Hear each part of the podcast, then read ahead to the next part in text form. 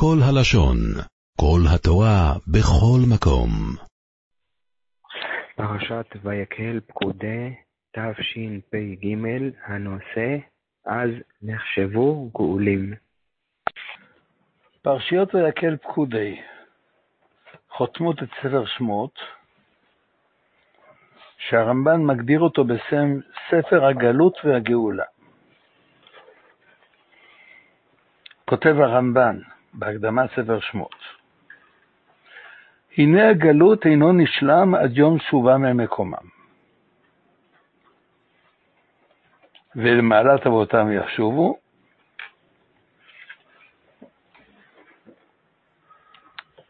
כי לכאורה ספר שמות היה אמור להסתיים בגאולת מצרים. היו בגלות ונגאלו.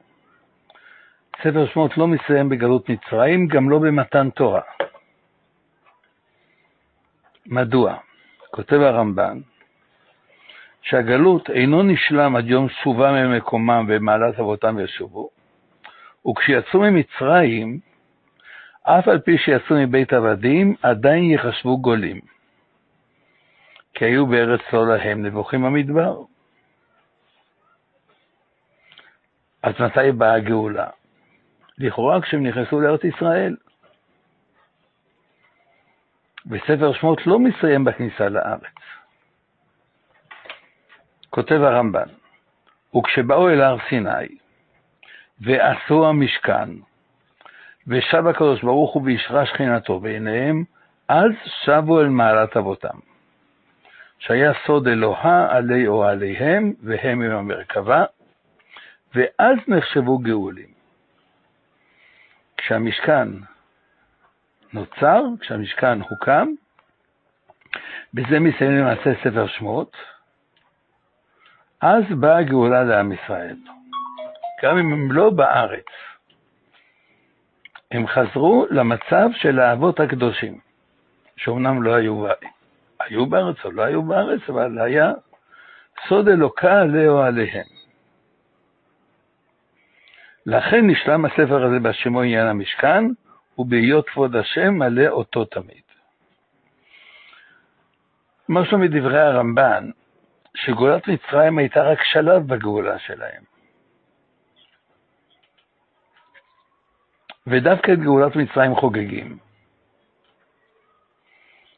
ואת השלב הסופי של הקמת המשכן לא חוגגים. מדוע? כך משמע כדברי הרמב"ן, גם מכמה מעלות טובות למקום עלינו, שאנחנו אומרים בגדה של פסח. שהוציאנו ממצרים, ועשה בהם שבטים, ועשה באלוהיהם, והרג את בכוריהם, ונתן את המונם, וקרא לנו את הים, ועוד יכולנו בתוכו בחרבה, וסיפק סוכן במדבר ארבעים שנה, ונתן את התורה, והכניסנו לארץ ישראל, ובנה לנו את בית הבחירה לכפר על כל עוונותינו. זה ה... זו הפסגה, זה העיקר, זה השיא.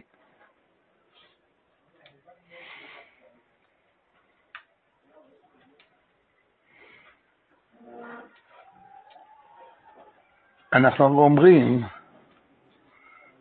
באמת האמונה, שהקדוש ברוך הוא עושה אותנו ממצרים, ויוצא את עמו ישראל מתוכם לחירות עולם.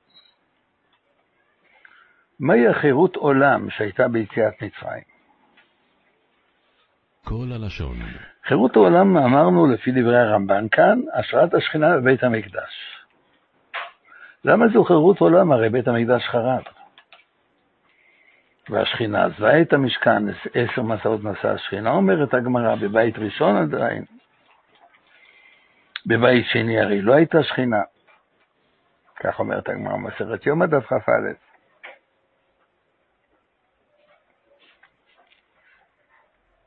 אבל אנחנו אומרים שבבית שני לא שרתה שכינה.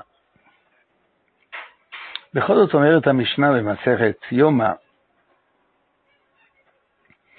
שכל ימי שמעון הצדיק, שהיה כהן גדול בכלל בית שני, ארבעים שנה של שמעון הצדיק, לא קבע הנר המערבי. לאחר מכן לפעמים קבע, לפעמים לא קבע. זה שהנר המערבי דלק כל הזמן, אומרת הגמרא במסכת שבת דף כ"א, עדות היא לכל באי עולם שהשכינה שורה בישראל, זה בבית שני. כל עשר הניסים שאירעו בבית המקדש, שהורו על השראת השכינה, כולם היו בבית שני.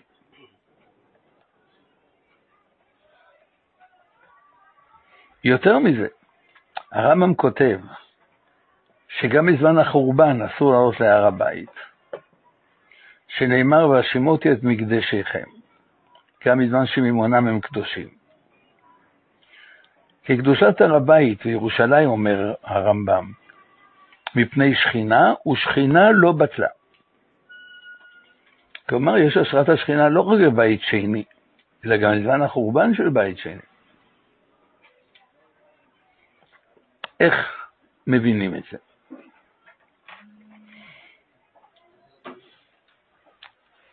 התשובה כלולה למעשה בדברי האור החיים הקדוש, בסוף פרשת ויגש. אברהם, יעקב אבינו יורד למצרים, והקדוש ברוך הוא אומר לו, אנוכי ארד עמך מצרימה, ואנוכי אהיה גם הלא.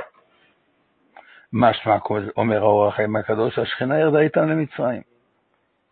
לא שם, זה פסוק מפורש. שואל האור החיים הקדוש, מדברי חז"ל, שהשכינה לא הייתה במצרים. אשר בן יצא להגיד כצאתי את העיר, אפרוס את כפיי אל השם, כי שכינה לא, לא ירדה למצרים.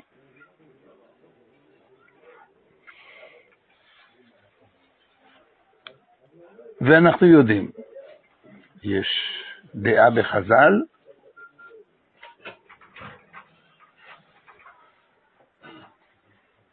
שהשכינה השלימה ל-70 נפש.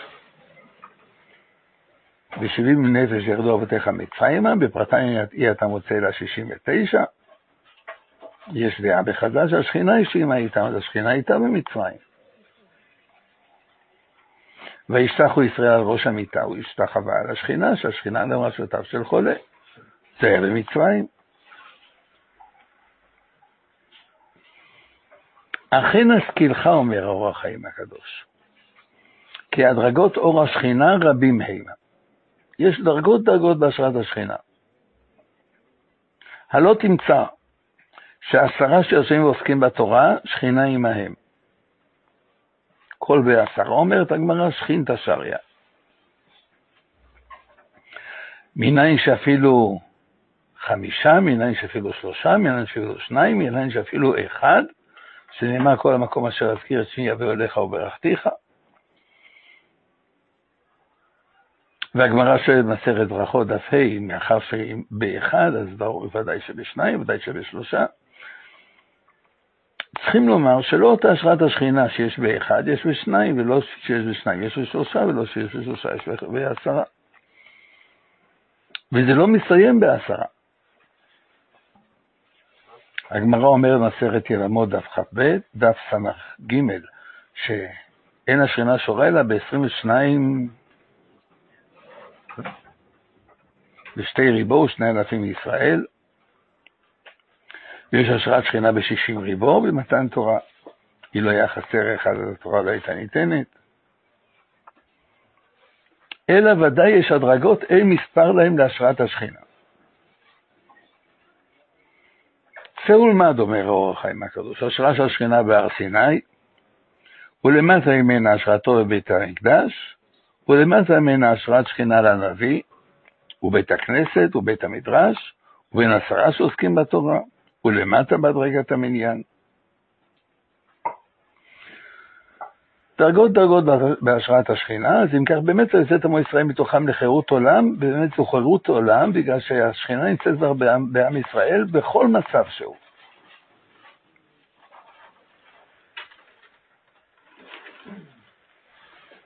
נשאל שאלה נוספת, מהשראת השכינה. בית המקדש נבנה לכאורה, המשכן נבנה לכאורה סביב הארון. וקדושתו של הארון בגלל שהוא מכיל את הלוחות. ונתתי, ונתת אל, אל הארון את העדות אשר אתן אליך, לוחות נקראו לוחות העדות. כותב רש"י, התורה שהיא לעדות ביני וביניכם. כל התורה כולה, כל תרי"ג המצוות, אומר הרב סעד גאון, רש"י מביא אותו בסוף פרשת משפטים, נרמזת בעשרת הדיברות, עשרת הדיברות נמצאות בארון, אז כל התורה כולה נמצאת בארון. התורה היא עדות, הארון הוא ארון העדות. והמשכן, קרוי משכן העדות. משכן העדות פירושו של דבר משכן התורה.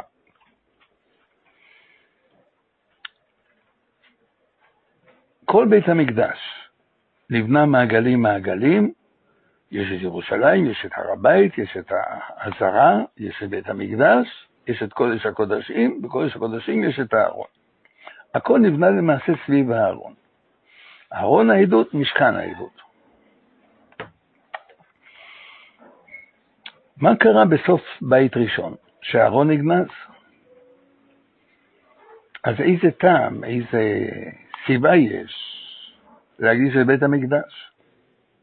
הרי כבר אין ארון. מה התשובה? התשובה שאהרון נגנז מתחת לבית המקדש. כך כותב הרמב"ם, שלמה המלך ידע לו רוח קודשו שבית המקדש אמור להיחרב, בנה מחילות הכלכלות מתחת לבית המקדש.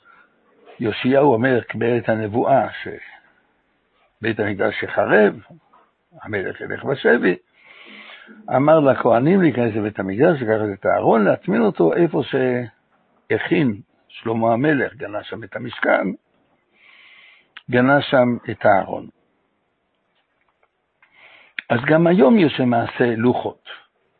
יש למעשה את הארון, רק הוא גנוז. איפה הוא גנוז? זה בית, מתחת לבית המקדש. בית המקדש ממשיך להיות מקום השראת השכינה.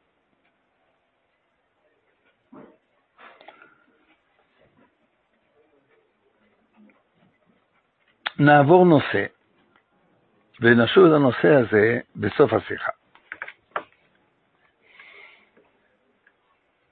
בכל ליל הסדר, ליל הסדר לפי הקבלה מושפעים אורות בלי הדרגה.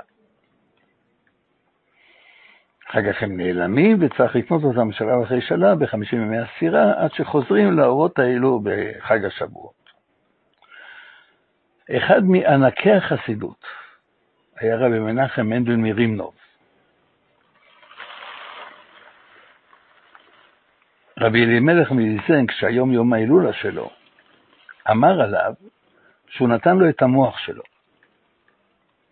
לחוזה מלובלין הוא נתן את העיניים, לא אוהב ישראל מיעבטו הוא נתן את הפה, לרבי מרימנוב הוא נתן את המוח שלו. המוח של תורת החסידות. המוח של תורת החסידות, ובליל הסדר מושפעים כל המוחין, יש התעלות המוחין בצורה, אני לא מרגיש את זה, אבל אלו שמרגישים את זה, אלו שיודעים מה מדובר, ובסיומו של ליל הסדר, כל שנה, הוא היה מספר סיפור. סיפור נחמד ומוזר, וכל ליל הסדר החסידים כבר חיכו, הם כבר חיכו לקנית, מתי, מתי צורקים כאן. מה עניינו? הוא סיפר שהיה יהודי כפרי, שנצרך לקצת מזומנים. ברוך השם, יש לו חלקת אדמה קטנה, שותל בירקות, יש לו כמה עיזים, חולב אותן, חלב, ירקות, מה יהודי צריך יותר? לפעמים יהודי צריך יותר, הוא צריך לקנות שטריימל חדש.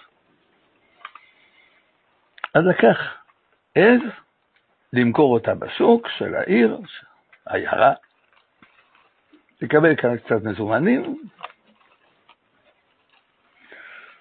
הולך בדרך, מושך את העז אחריו, פתאום נצר ידו כרכרה, מרים את העיניים, הפריץ.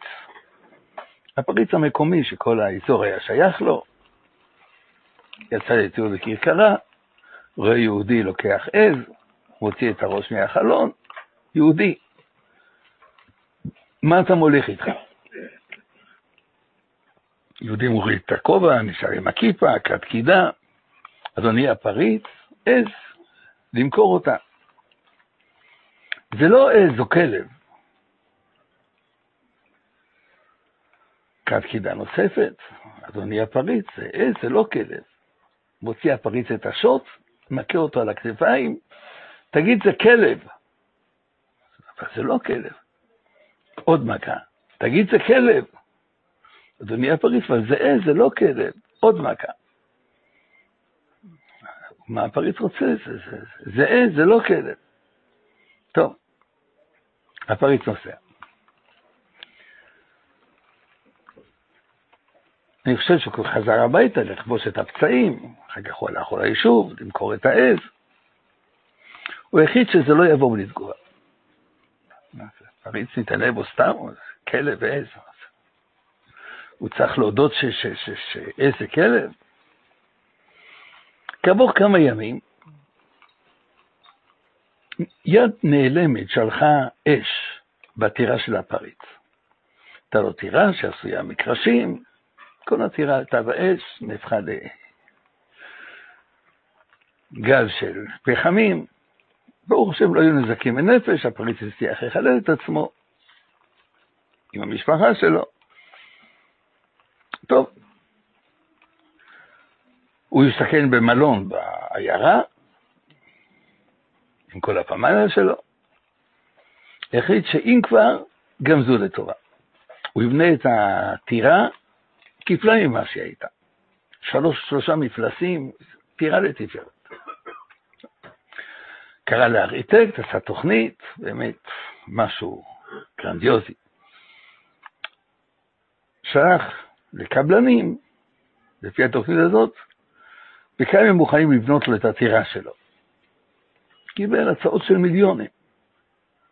טירה? זה לא, זה לא דירה של שלושה חדרים, זה טירה. שלח לקבל הצעת מחיר, הצעת מחיר, כל הצעת מחיר הייתה גבוהה יותר מהקודמת, בקיצור. יש לו ברוך השם כסף, זה לא שחסר לו, אבל להוציא מיליונים על... יום אחד הוא זוכה לביקור של אדון נכבד. האדון הזה מבקש לראות את התוכניות. שומע שהוא קבלן, שומע שהפריץ רוצה לבנות את הטירה שלו, מבקש לראות את התוכניות, מראה לו אותן, סוקר אותן, לוקח דף נייר, עושה חשבונות. אדוני הפריץ, מה שאתה רוצה, 400 אלף. מה 400 אלף? זה, זה, זה עשירית מחיר, זה לא, זה משהו, משהו רקוב כאן, זה לא... אתה יכול להגיד זול יותר ב-20 אחוז, 30 אחוז גג, 10 אחוזים מה שאחרים לוקחים, אומר לו הקבלן כך, תשמע, אני לא חדש למקצוע. הקבלנים צודקים. זה לא פחות מ... אם אתה רוצה משהו איכותי, לא פחות מ-4 מיליון. הם לא הביאו בחשבון דבר אחד, שני דברים למעשה. א', שאין לך מחסור בחומרי גלם. יש לך יערות בלי סוף. אני אשתמש ביערות שלך.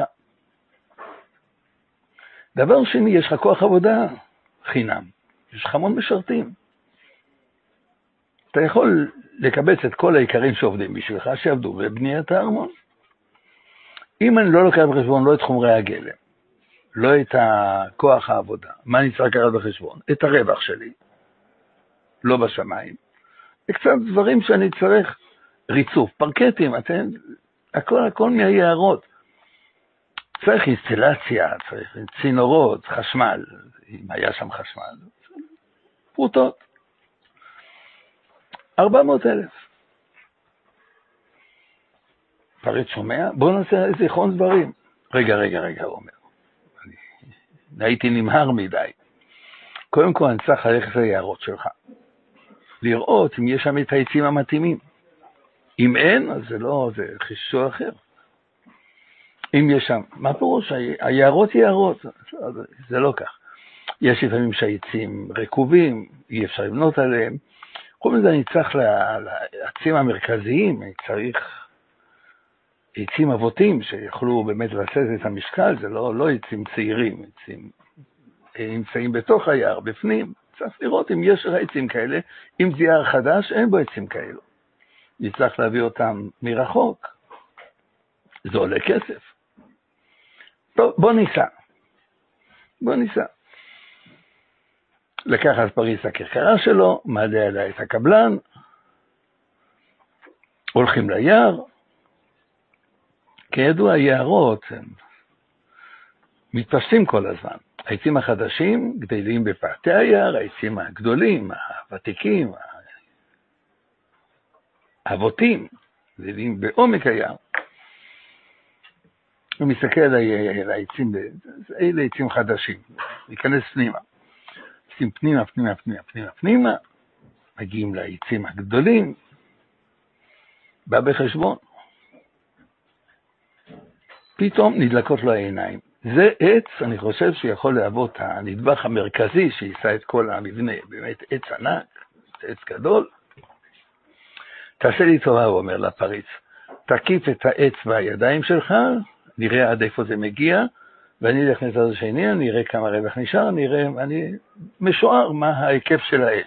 טוב, הפריץ הולך, מחבק את העץ, הוא הולך לצד השני, לוקח חבל, קושר שתי הידיים של הפריץ אל העץ, ואז הוא מוציא שוט מהכיס. כשאומרים לך שזה עז, זה עז זה לא כלב. פח, פח, מכה, והפריץ נפל בפח, מביא מהמתחזה לקבלן, צועק, צורח, צורח, צורח.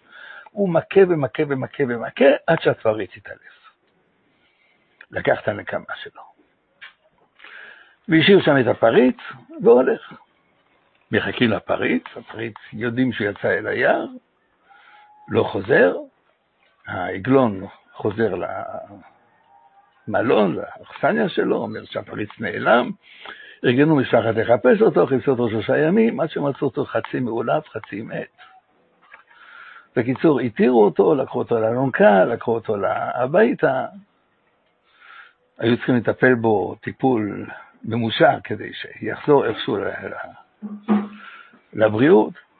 ברגע שהוא חזר לעצמו, נזכר בסיפור הזה, נזכר בהתעללות של היהודי הזה בו, הוא רק ישיג את היהודי הזה, הוא ימלוק לו, יקטע לו אצבע אצבע, הוא עבר עבר, הוא... טוב. היהודי הבין שהוא לקח נקמה, אבל לקח נקמה על פעם אחת. הוא יקרא בו שלוש פעמים. זה לא יעבור כך. הוא עוד חייב לו פעמיים. טוב. גם הפריץ נזכר שבעצם אה, הוא התעלל ביהודי, והיהודי עוד, ייתכן שהוא לא גמר את ההנקמה שלו.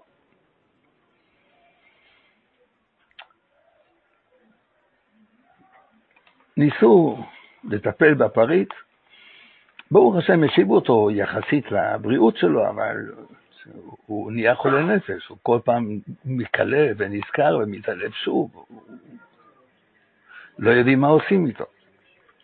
יום אחד הופיע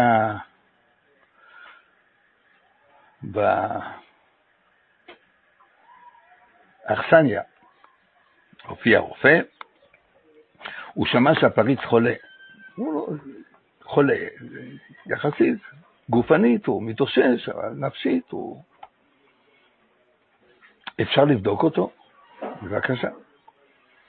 נכנס פנימה, מסתכל הפריץ בעיניים, תוציא את הלשון, דופק, מודד את הדופק. תשמעו, הוא אומר, יש לי תרופה עבורו, אבל היא כואבת. אני מבקש אני אטפל בו, אתם, אתם, ת, ת, הוא יצעק, אתם תזעקו, תפסיקו את הטיפול שלי באמצע, יהיה רע מכל הבחינות. אני, אני גם יכאיב לו וגם גם אפסיק את הטיפול באמצע.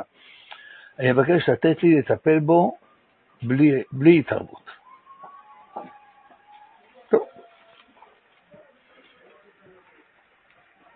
הם נמצאים בחוץ, בני המשפחה, הוא נכנס פנימה לחדר, נועל את החדר, ניגש לטפל בפריץ. מתקרב אליו, מוציא שוט מהכיס, שאומרים לך שזה עז, זה עז זה לא כלב, ונותן מכות, ונותן מכות, והפריץ צועק, הצילו, הצילו היהודי בעל, כולם יודעים הרי שהוא משוגע, זה, לא, מבעט אותו כל הזמן. הם שומעים את הזעקות, יודעים ש, שהטיפול במיטבו, זה... טוב, בקיצור, כעבור כמה דקות הוא יוצא, ברוך השם הוא אומר, הוא כעת ישן, תניחו לו שהוא יתעורר לבד. מסתכלים פנימה, רואים באמת שהוא ישן, הוא התעלף מהמכות, השם ברחם. כשהוא התעורר, זה נורא. הוא הבין, כעת הוא, כעת הוא קיבל אישור לחששות שלו. היהודי ינקום בו שלוש פעמים, שלוש פעמים הוא נתן לו מכות. הוא נרקם בו רק פעמיים, מחכה לו פעם שלישית. באיזה תחפוש אותו יופיע כעת? הוא מופיע בתחפושות לא, לא משוערות, נראה כמו רופא, נראה כמו קבלן, מי יודע איך יבוא כעת. בקיצור, הפריץ לא זז בלי שמירה. מאבטחים אישיים. לקח מאבטחים בכל מקום, יוצא, נוסע בכיכרה שלו לבקר את ה... לראות את העיר, להשגיח על ההתנהלות שלה. מלווים אותו ארבע פרשים, ממש צמוד, שניים לפני המרכבה, שניים אחרי המרכבה, אי אפשר להתקרב למרכבה בלי להתקל בהם. והיהודי נמצא בעיירה, עוקב אחרי הפריס, יודע שהוא לא יכול להתקרב אליו. הוא צריך לתת לו את הפעם השלישית. הוא רואה שוטר, פרש, שוטר. קורא לשוטר, מה אתה רוצה, יהודי? אתה רוצה להרוויח כסף?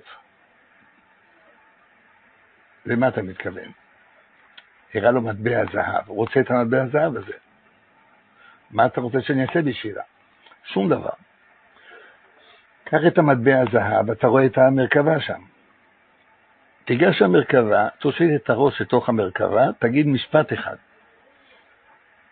מה אתה רוצה שאני אגיד? תשנן את המשפט טוב, תזכור אותו. תגיד, שאומרים לך שזה עז, זה עז זה לא כלב. מה? זה. והמטבע שלי, המטבע שלך. לוקח את המטבע, שם בכיס, דוהר למרכבה, מושיט את הראש פנימה, כשאומרים לך שזה עז, זה עז זה לא כלב. הנה הוא, הנה הוא. שומע, שומע את הקריאה הזאת, בורח משם. תרדפו אחריו, תשיגו אותו. כל ארבעת הפרשים רצים אחריו, הדרך פנויה. ואז ניגש היהודי, פותח את הדלת של המרכבה, מוציא את השוט מהכיס, שאומר לך שזה עז, זה עז זה לא כלב, מכה, מכה, מכה, מכה, עד שהספריץ יתעלה, סיים את הנקמות שלו. זה הסיפור שסיפר רב מלך מרימנוב כל ליל הסדר אחרי הסדר. ברור לנו שהסיפור יש בו, יש בו משהו. מה יש בו? אז ננסה לעקוב אחרי הסיפור, להעמיק בו, למצוא את המסר שלו. אנחנו רואים שלוש מכות, שלוש נקמות. אנחנו מבינים שהסיפור הזה מדבר על פרעה והקדוש ברוך הוא. נקם בפרעה על מה שעשה לבני ישראל, מידה כנגד מידה. לא אישרו שום דבר בלי תגובה. אז מה זה השלוש? צריכים לומר שככה אני חושב, כנגד עצה חדש ביחד. שלוש סדרות, כל אחת מהן שלוש מכות, האחרונה ארבע מכות, זה עצה חדש ביחד. מה זה עצה חדש ביחד? אומר המהר"ל מפראג, שאלו סדרות של מכות, מה חידש רבי יהודה, שנותן בהם סימנים, מה הוא חידש, אפשר לעשות גימטריות. חידש של שלושה סדרות של מכות שבאו להוכיח שהשיטה של הקדוש ברוך הוא נמצאת בכל הבריאה כולה. תדע כי אני השם מקרב הארץ, כי הם כמוני בכל הארץ. שיטתו של הקדוש ברוך הוא מלאה. במה הוכיח את זה הקדוש ברוך הוא? במכות. איך הוא הוכיח את זה במכות? אומר המהר"ל מפראג שהמכות מסתדרות בשלוש קומות. הקומה הראשונה, מה שנמצא לנו מתחת לרגליים. קומה שנייה, מה שנמצא לנו כנגדנו, קומה שלישית, מה שנמצא מעלינו. אז נתחיל. דם צרדי הקינים, שלושתם מה שנמצא מתחת לרגליים. הדם היה במים, הקינים היו באפר, צרדי הגמי יצא מהיאור, רכשה בקרקע. הרוב דבר שכין מולנו. בעלי חיים, בני אדם, הרוב דבר שכין. ברד הרבה חושך זה מה שמעלינו. המאורות לקו, מעופפים הגיעו. הברד ירד מן השמיים. הוא הראה ששיטתו מוחלטת.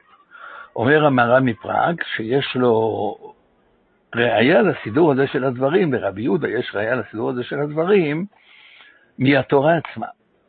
כיצד? בכל אחת משלוש הסדרות האלו, המכה הראשונה בכולן, דם בדצח, ערוב בעדש, ברד ובאחיו, במכה הראשונה משה רבנו פגש את פרעה בחוץ. בדרך ארץ, חיכה לו, לא נכנס פנימה כמנהג בעל הבית, חיכה לו בחוץ, התרע בו. במכה השנייה הוא נכנס אליו הביתה, המכה השלישית באה בלי התראה.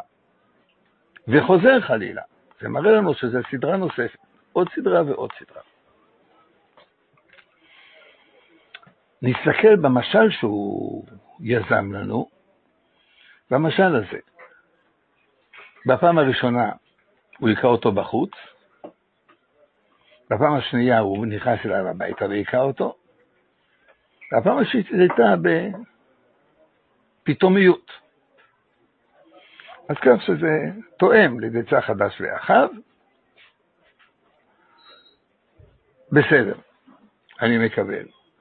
מה עשה פה רב מנחם מאיר מריבנוב? מה עשה סיפור יפה על מכות מצרים? מה הוא רצה להנחיל לנו בזה?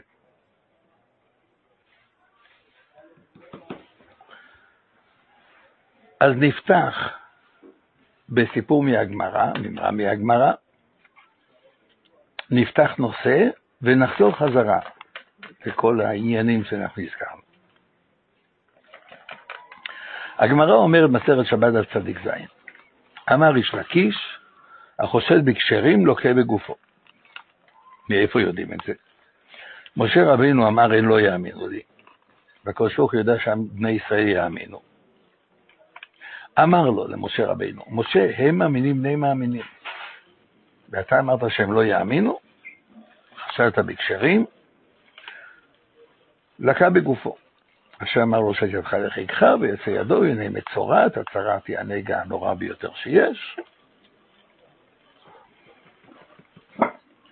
תודה.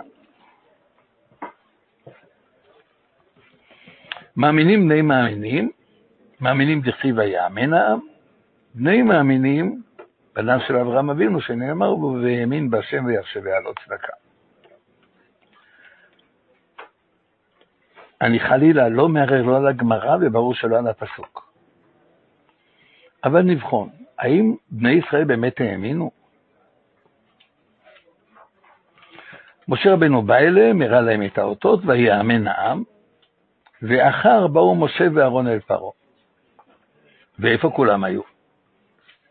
אמר להם, בוא איתו. נשמטו אחד-אחד. האמונה שלהם לא החזיקה מעמד. זו הייתה אמונה רופפת.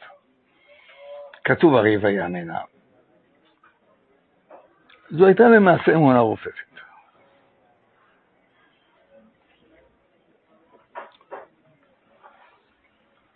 משה רבנו נצבע למה הוא מפקפק באמונתם של ישראל. אני שוב לא מפקפק בדברי הגמרא, אבל לכאורה, לא הייתה למשה רבינו אפשרות שלא לשאול והם לא יאמינו לי. הוא שאל את הקדוש ברוך הוא, מה המצב הרוחני של בני ישראל?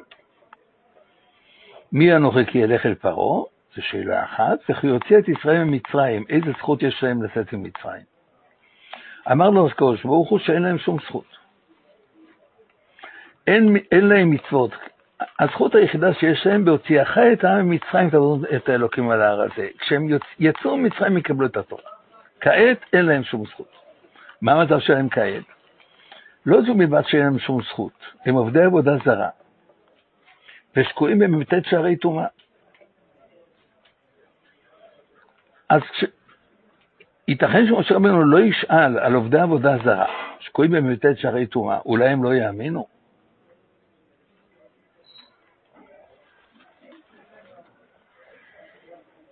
רואים מכאן שאסור לפקפק באמונתו של יהודי גם אם הוא מומר לעבודה זרה ובשקוע במ"ט שערי טומאה.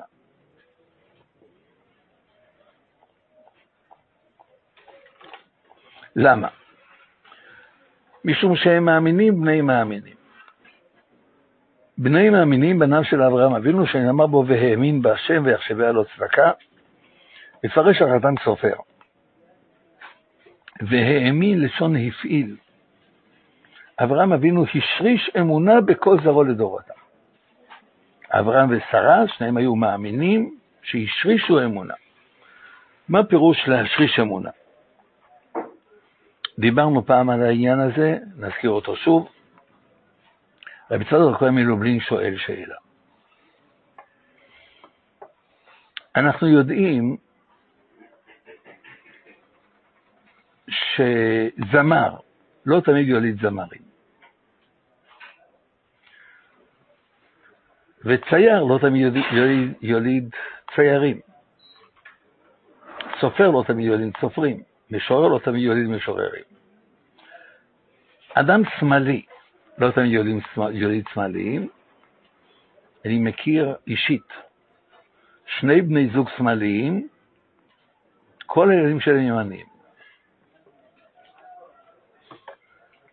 עיוור לא תמיד יוליד עיוורים וגידם לא תמיד יוליד, גדמים. אבל אדם תמיד יוליד אדם. אדם יוליד אדם, סוס יוליד ציח, חמור יוליד עיר, תרנגול יוליד אפרוח. מה ההגדרה? אמר מצד הכלכלי מלובין כך, תכונה לא תמיד עובר בתור רשע. יש הסתברות, לא תמיד. מהות עוברת בתור רשע. להיות אדם זו מהות. להיות סוס זו מהות, להיות תרנגול זו מהות. התרנגול יוליד אפרוח, סוס יוליד שיח ואדם יוליד תינוק. אבל זמרות, יתרות, זו תכונה. תכונה לא תמיד עובר בתור רשע. אמר משרד הכהן מלובלי, אברהם אבינו הפך את האמונה מתכונה למהות. והואיל וזו הייתה מהות אצלו, זה עבר בתור רשע. מאברהם אבינו ואילך, אין לך יהודי שלא מאמין. זה מה שהקדוש ברוך אמר למשה רבינו, הם מאמינים בני מאמינים. בניו של אברהם אבינו, שאמרו והאמין בהשם, ויחשביה לו צדקה. החידושי הרי מגור אמר, שעל כך אנחנו מודים לקדוש ברוך הוא כל יום, שלוש פעמים ביום. שאומרים ברוך אתה השם, מגן אברהם. הקדוש ברוך הוא מגן על הנקודה היהודית שבנו שנמצאת מאברהם אבינו, על נקודת האמונה. מה פירוש מגן? למה צריך להגן? בגלל שיש לנו רק כלל, שאחרי המעשים נשאכים הלבבות. ואדם יכול, גם תכונה מושרשת בו, הוא יכול לאבד אותה אם יעשה מעשים הפכיים. אז אם אדם חי בחיים שנטולי אמונה, חיים מופקרים, הוא עלול לאבד את תכונת האמונה שבו. הקדוש ברוך הוא מגן על הזיק של האמונה שלא יכבה. איך הוא עושה את זה? מצד אחד, הגמרא אומרת במסכת יומא, תל"ט, שעבירה אוטמת ליבו של אדם. ככל שאדם עובר יותר עבירות, הלב שלו נהיה יותר ויותר ויותר קשוח, יותר ויותר ויותר סגור. מצד שני, מגלה לנו הרב דסר זצ"ל,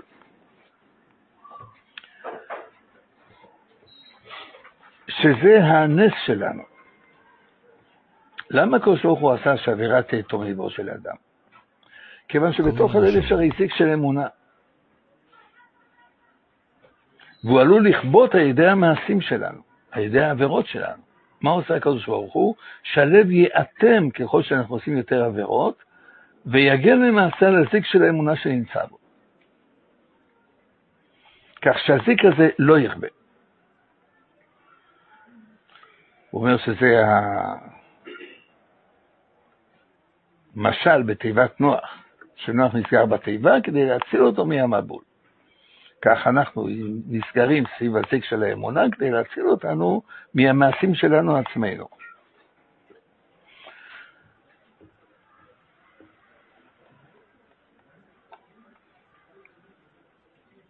כך שמתקיים לנו למעשה מה שהמדרש אומר בשיר השירים רבה, פרשה ה' אות ב', אני ישנה בליבי ער, אומר המדרש, אני ישנה מן המצוות וליבי ער לקדוש ברוך הוא. שהקדוש ברוך הוא ליבם של ישראל, שנאמר צור לבבי וחלקי אלוקים לעולם. מה זה אני ישנה מן המצוות? מי, מה עושה אדם ישן? כלום לא. מה זה אני ישנה מן המצוות? אין לרשותי ולו מצווה אחת. זה דבר הזוי. הרי ריקנים שבישראל מילים מצוות כרימון. גם אם לא ליבי ער, גם יהודי יהיה מלא בעבירות, ליבו של היהודי ער לקדוש ברוך הוא, שהקדוש ברוך הוא ליבם של ישראל. ואם לא רואים את זה, זה בגלל שזה אטום על ידי האוטם שיצרו העבירות. אבל למעשה בתוך האוטם הזה יוקד הרצון לשמוע בכל הקדוש ברוך הוא.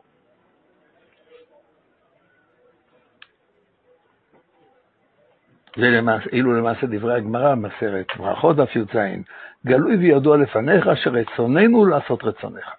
ומי מעכב? שאור שבעיסה, שיעבוד מלכויות. הם לא נותנים לנו לבטא את הרצון העצמי שלנו, אבל הרצון של היהודי זה לעשות את רצון הקדוש ברוך הוא.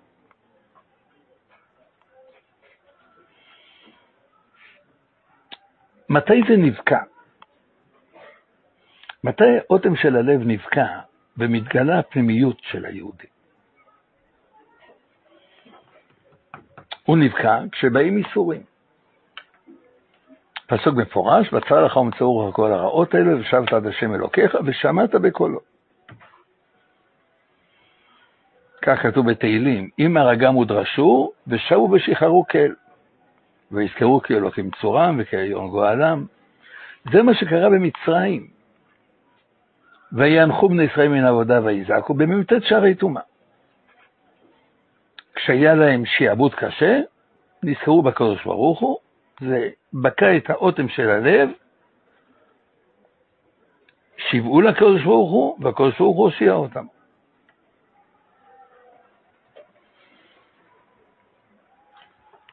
אומרת הגמרא,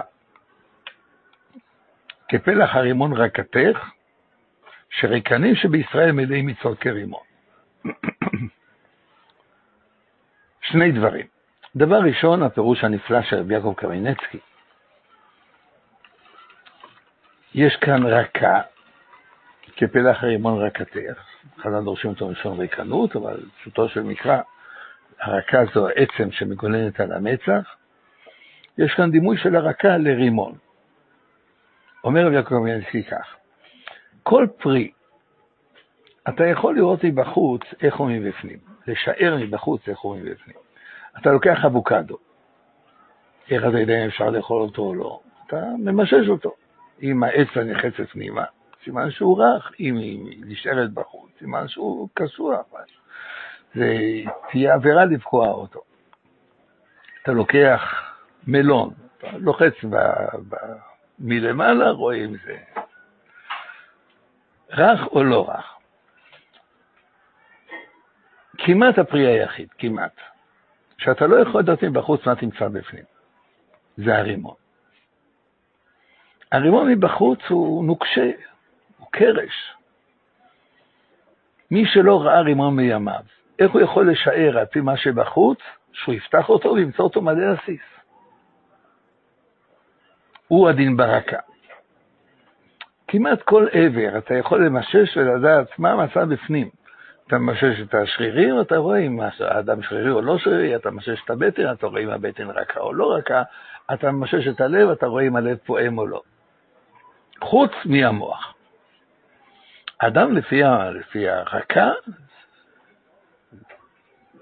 יכול לשער שבפנים יש אחד מן השניים, או קש או עץ, כן.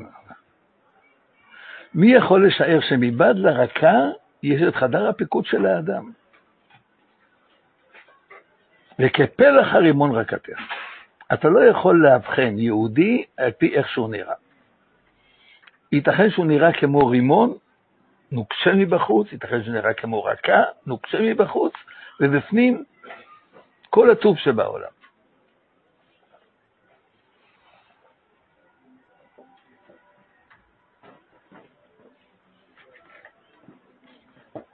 נפגשתי לאחרונה עם איזה רוסי, עולה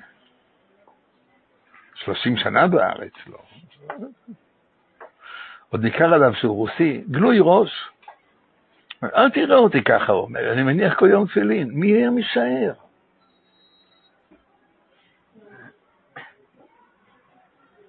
ידוע הסיפור, אני לא זוכר אותו לפרטיו, אבל ידוע הסיפור שאחד ישב ליד אדם באוטובוס, חילוני, פותח את הפה, מראה לו שכל השיניים שלו, אין לו שיניים. אתה יודע למה? הוא אומר לו. אין לו שום קשר ליהדות. כל ערב יום כיפור, הוא רצה לא לעבוד, אין ברוסיה לא לעבוד. הלך לרופא שיניים, אמר שכואבת לו השן הזו. אין חוכמות ברוסיה. לוקח צוות, מוציא לו, עוקר לו את השן. כל שנה, שן. כדי לא לבוא ביום כיפור. מי היה, מי היה משער שביהודים כאלה יש כזה זיק? מי היה מוכן לעשות את זה? לעקור, לעקור לעצמו שן על, על כל יום כיפור שהוא יעבוד. אבל יש פה עומק יותר גדול, לא יודע אם יותר גדול, פירוש נוסף בכפלח הרימון רקתך.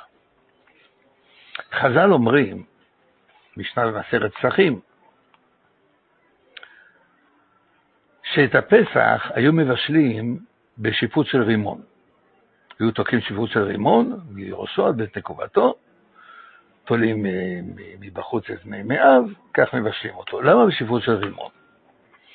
כי שיפוט של מטרת אי אפשר לבשל אותו, כי המטרת מתחממת, זה היה אז אם כך צלי, אה, צלי, צלי מתכת ולא צלי אש. אם היו צולים אותו בשיפוט של עץ אחר, העץ היה מתחמם בעצמו ומוציא את העסיס שנמצא בו, והעסיס היה מבשל את מה, את מה שסביב השיפוט, זה היה אם כך בישול ולא צלי. העץ היחיד שמצ... שחז"ל מצאו, שיש לו קליפה מספיק נוקשה וחלקה, שהיא לא נותנת לעסיס לבקוע החוצה. שיפוט של רימון לא נותן להזיז לבקוע החוצה. שואלת הגמרא, רגע אחד, יש הרי את ה... בכ... בכל uh, ענף, יש את הסיכוסים שיצאו ממנו ענפי משנה, קוטמים אותם, יש שם, uh, זה יכול, העציץ יכול לצאת דרך הקטימות האלו. עונה הגמרא שני תירוצים, ייתכן שגם כשקוטמים אותם זה עדיין אה, לא, לא נותן לעציץ לבקוע, ייתכן שיחסו כאלו שאין בהם אה,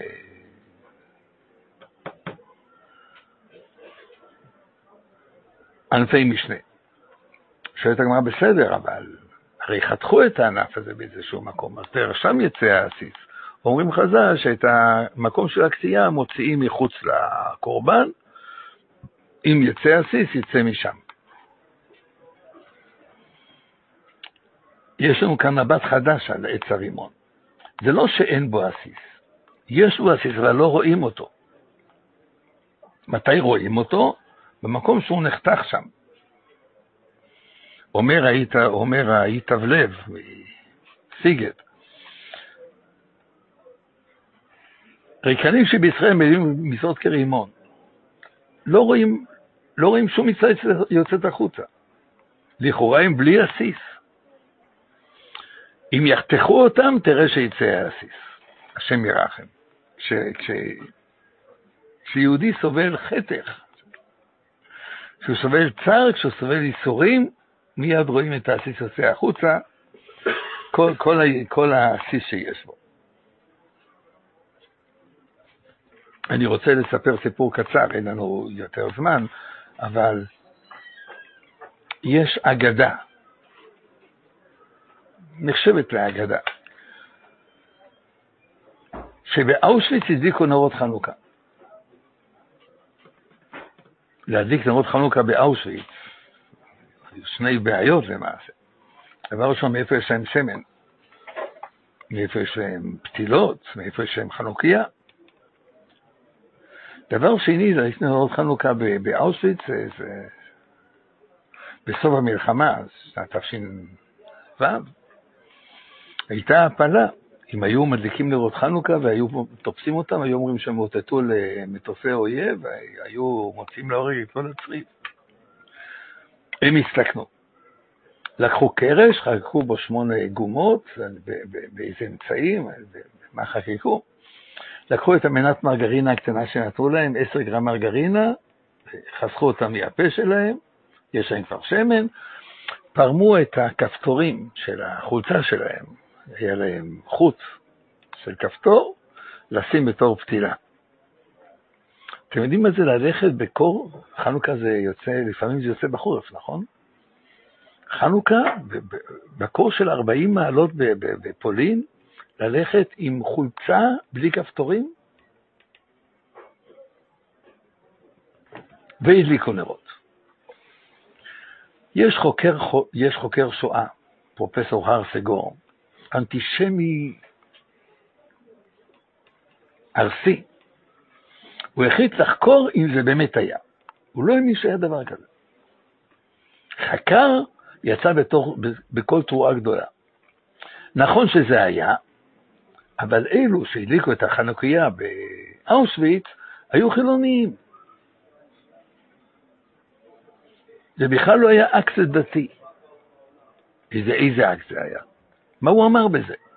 הוא אמר פה שהוא גילה שבאושוויץ גם חילוניים מדליקים נרות חנוכה. אין יהודי שלא מאמין. צריכים את החתך, רחמנא ליצלן, כדי שהוא יחזור לאמונה שלו.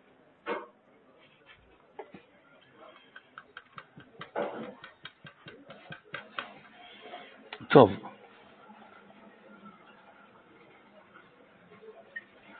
נסכם את העניין. נסכם אותו בסיפור. היה יהודי גדול, רב שלם קזווילר, הוא היה קורא לכל יהודי ויהודי צדיק. מה רוצה הצדיק, מה אפשר לעזור לצדיק, זה היה המנהג שלו.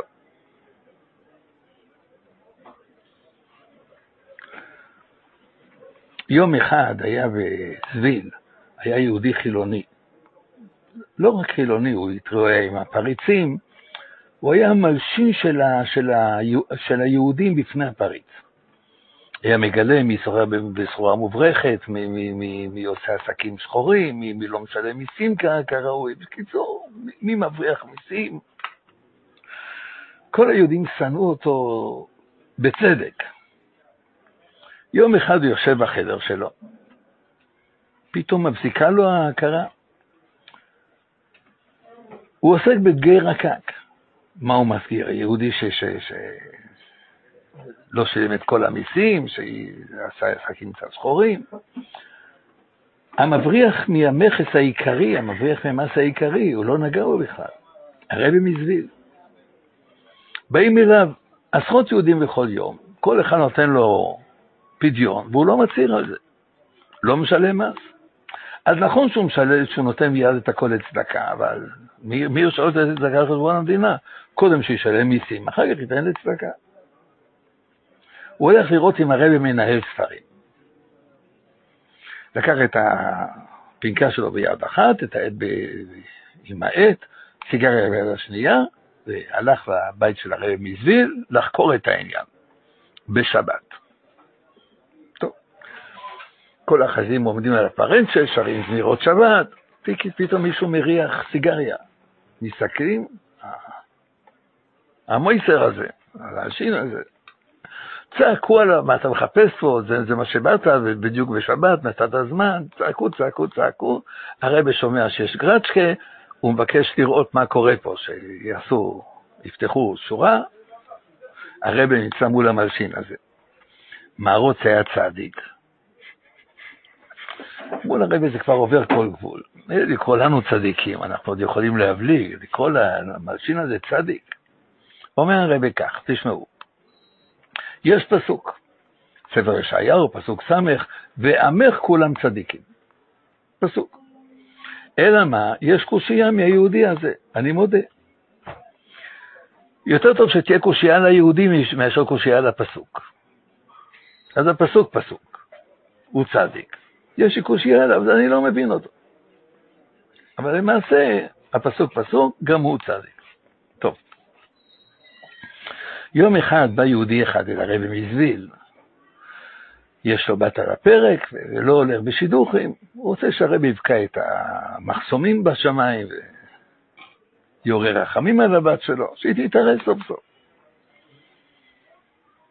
הוא בא אל הרבי, כתב פתקה, מגיש פדיון, הרבי מסתכל על הפתקה, מסתכל עליו, מה רוצה הצדיק? ירד לו האסימון. רבי, אני רוצה להגיד לרבי, באתי פה כדי לבקש שהרבי יברך את הבת שלי שתתארס. כעת יש לי רעיון. גם לרבי הרי יש בן בשידוכים. אבל הרבי מחפש צדיק להשתדך איתו. אז כך, זה שהרבי צדיק הרי כולם יודעים. זה שאני צדיק, הרי הרבי בעצמו אמר. ענבי הגפן וענבי הגפן. נשתדך יחד. הרבי לא חייך. חשב חשב ואמר לו כך, האמת היא שאני צדיק ואתה צדיק. אבל כל אחד ישתדך עם צדיק כמוהו. למה הוא התכוון? כל יהודי הוא צדיק, כתוב בפסוק, ועמך כולם צדיקים. כל יהודי הוא צדיק בכוח. אמרנו, גם אם הוא עושה את כל העבירות שבעולם, אז הלב שלו יתאבן סביב הנקודה של הצדקות שיש בו. הרבי מזיל הוא צדיק בפועל. אז כל אחד ישתדך עם צדיק כמוהו. צדיק בפועל ישתדך עם צדיק בפועל, צדיק בכוח ישתדך עם צדיק בפועל. האבות היו קדושים בפועל.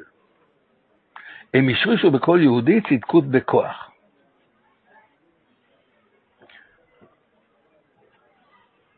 כשבני ישראל היו במצרים, הם היו צדיקים בכוח. נגאלו ויצא אל הפועל.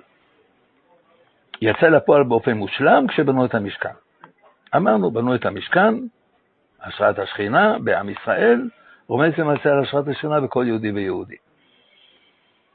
בית המקדש נבנה, בית המקדש במקום השראת השכינה. עם ישראל חטא, אז הוא למעשה קבר את הנקודה היהודית שבו מתחת למעטה של העבירות. אז גם אהרון הורד לקלקלות, למחילות שמתחת לבית המקדש.